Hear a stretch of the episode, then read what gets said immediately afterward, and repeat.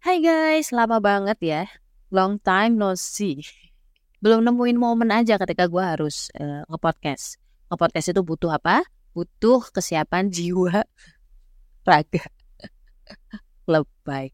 Tapi seriously, ketika teman-teman lain mungkin ngomong asal ngomong aja, rata-rata introvert kalau ngomong itu bener-bener yang harus pikir. Asli. Lu tau gak? Si Robert, Robert Einstein, eh Einstein tuh ada Robertnya gak sih?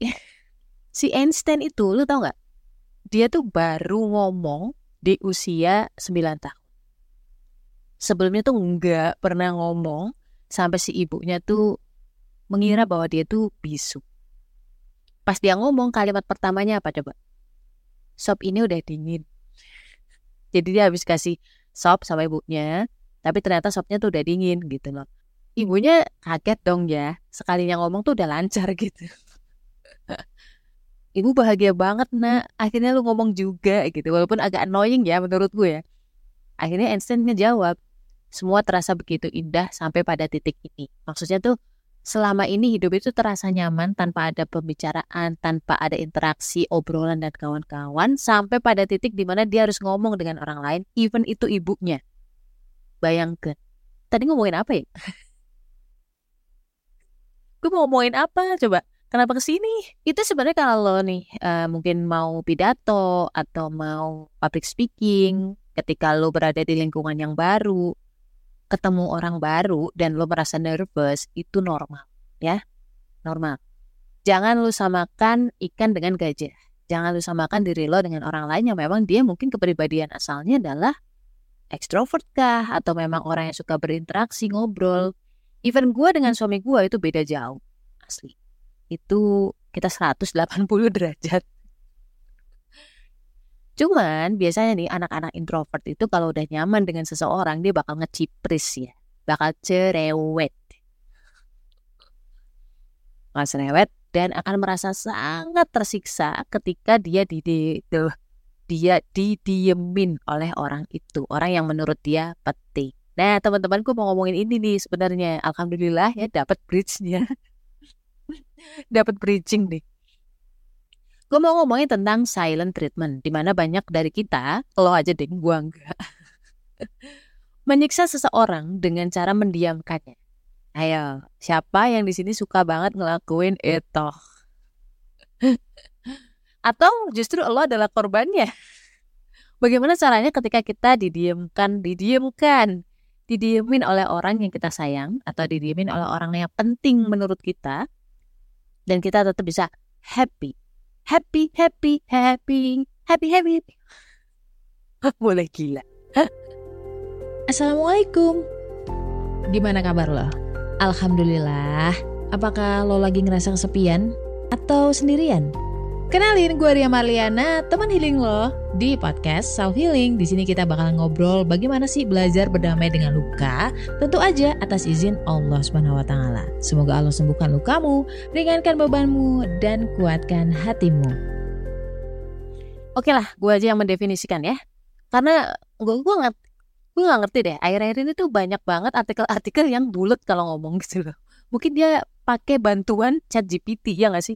Intinya, silent treatment adalah perlakuan seseorang kepada orang lain dengan tujuan untuk menyiksa. Ini beda dengan orang yang diam karena takut kepancing emosinya. Jadi misalnya nih lagi berdebat gitu ya, ngomong uh, lagi berantem sama pasangan lo, terus tiba-tiba lo udah gede banget, terus lo bilang, ntar dulu lah, kita mendiam, mendinginkan suasana dulu asik, mendinginkan kita mendinginkan kepala dulu nih. Akhirnya kalian diam. Mungkin kurang lebih sehari, dua hari. Kalau dalam agama kita itu maksimal tiga hari. Maksimal tiga hari itu artinya udah cooling down sebenarnya. Ya kan? Kalau lebih dari tiga hari kita ngediemin orang itu biasanya karena macam ego yang ngomong bahwa gue pengen lo tahu bahwa gue tuh marah malu gitu. Nah itu termasuk silent treatment. Tanda-tanda silent treatment salah satunya adalah nggak ada angin, nggak ada hujan nih ketika dia lagi bete doang malu terus tiba-tiba dia diem. Kita nih yang nggak peka pekok doang ya kan? Nggak ngerti sebenarnya lu diem kenapa sih gitu loh. Ya kan? Nggak mengkomunikasikan. Kalau misalkan berantem ujuk-ujuk kita diam, kita tahu lah apa yang membuat dia diem, apa yang membuat kita harus diem. Tapi kalau silent treatment, ada orang-orang yang cuma hanya gara-gara prasangka dia doang, terus dia salah tafsir doang, dia nggak mengkomunikasikan itu ke kita, tahu-tahu tuh diem. Ada. Banyak ya. Jangan-jangan lu nih. Gua kasih tahu akibatnya ketika lo menjalankan silent treatment ini. Pertama, kalau anaknya tadi gue bilang bahwa dia itu seorang yang nggak peka, seorang yang ekstrovert, di mana tuh teman-teman lainnya banyak ya kan, di mana dia tuh bisa sangat hidup, nggak cuma sama lo. Jatuhnya lo capek sendiri. Ada orang-orang ekstrovert yang didiemin tapi dia nggak ngerasa gitu. itu itu anugerah loh. Orang-orang yang tidak peka seperti itu. Itu anugerah. Oke, itu yang pertama, lu capek sendiri. Capek dalam hal ini apa? Ya capek artinya kan dalam tubuh lo itu ter, terilis apa ya? Mengeluarkan hormon-hormon yang bikin lo stres sendiri gitu kan. Kan sayang aja di tubuh lo. Itu yang pertama. Lalu yang kedua, masalah tuh nggak akan kelar.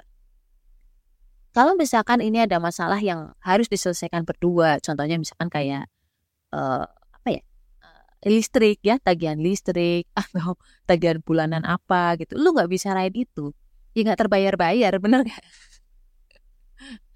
kalau memang itu cuma masalah lo lagi bete aja lu kesel aja lo coba handling itu sendiri lah masa untuk mengcooling down kebetean lo aja lo harus menghukum orang lain selemah itukah kamu lalu yang ketiga adalah ini poin paling penting yang gua harus sampaikan ke lo akan ada masa di mana orang yang sering lu sakitin itu akan mati rasa. Kalau udah mati rasa, artinya lo tidak penting lagi dalam hidupnya. Gue gak ngancam, ini beneran. Jadi contoh lah, contoh ya. Pertama kali lo didiemin sama orang yang lo sayangin, pasangan lo misalnya, suami lo atau istri lo. Lo akan sangat, apa ya, kayak bingung, panik. Gue salah apa ya, gue salah apa ya, bener gak? Ini kan? Pertama, lu masih beb lu kenapa sih beb masih gig, apa gigih untuk mencari tahu masih panik dengan perasaan pasangan lo gitu kan kedua masih seperti itu ketiga dan seterusnya dan seterusnya dan seterusnya lama-lama lu akan ada nemu titik di mana gua kok berjuang banget demi lo demi pasangan lo maksudnya tapi pasangan lo kayak semakin semena-mena ya gitu kan betulin lo itu tanpa ada sebab yang jelas, ngediemin Niksa dan kawan-kawan, gak ada masalah berarti gitu. Akhirnya lo capek sendiri kan. Ketika pasangan lo menjadi orang penting dalam hidup lo, eh malah dia nyakitin. Ya udah daripada lo tersakiti, ya buang aja dia dari list orang-orang penting kamu, bener gak? Di suatu masa lo akan merasa lelah banget dan akan membuang dia dari daftar orang penting dalam hidup kamu ketika dia sudah di luar circle itu, si pasangan lo ini misalkan, mau ngapain aja lu udah bodoh amat. Tapi again, bahwa itu tuh butuh waktu lama. Dan itu intensitasnya sering. Lo tidak akan terpengaruh, mood lo nggak akan sampai hancur. Lo nggak akan sampai panic attack, nggak akan anxious. Hanya gara-gara pasangan lo ngediemin lo. Akan ada masa di mana lo bilang pada diri lo, alah, udah biasa. Allah, udah gak kaget ya kayak gitu. Dan akan ada masanya nanti setelah itu, lo bisa asik sendiri dengan kehidupan lo. Lo akan bisa asik sendiri dengan teman-teman lo yang lain. Dengan anak-anak lo. Dengan hobi lo. Dan ini nih yang pelaku silent treatment ini hanya akan ngomong. Iya kan? Karena kan tujuan dia adalah menyiksa lo. Sementara dia melihat lo gak tersiksa. Kan jadi bete sendiri kan sih? Asli. Jadi buat lo nih korban-korban silencer, silencer. Korban-korban silent treatment yang ada di dunia ini. Berbahagialah karena itu adalah jembatan di mana lo akan menemukan kebahagiaan.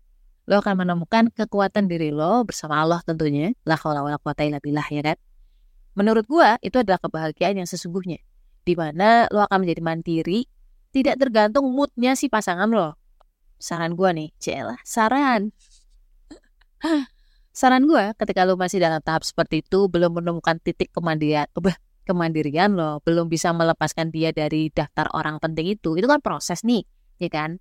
Butuh waktu tidak hanya semalam dua malam, tidak hanya sehari dua hari, bahkan ada yang berbulan-bulan, ada yang bertahun-tahun. Yang penting ada progresnya. Baca doanya Nabi Musa. Ketika beliau minta ditenangkan saat akan menghadapi Fir'aun. Robi srohli sadri wa yasir li amri wa hlul muqdatam milisani qawli. Then kamu mencoba beraktivitas seperti biasa. Artinya ketika dalam hati lo masih uh, apa ya namanya ya masih bergemuruh pun coba cari hal-hal yang membuat lo asik. Kalau tidur, nonton, asikin sendiri aja, enjoy aja. Oke? Okay? Jangan lupa mudah-mudahan Allah memberikan kekuatan kepada kita semua termasuk keluarga kita di Gaza, di Palestina, dan di mana pun berada yang sedang memperjuangkan agamanya Allah. Kalau kita melihat ya saudara-saudara kita, keluarga kita di sana, di Palestina ini, masalah kayak gini-gini itu nggak ada apa-apanya. La haula wala quwata illa billah. Assalamualaikum warahmatullahi wabarakatuh.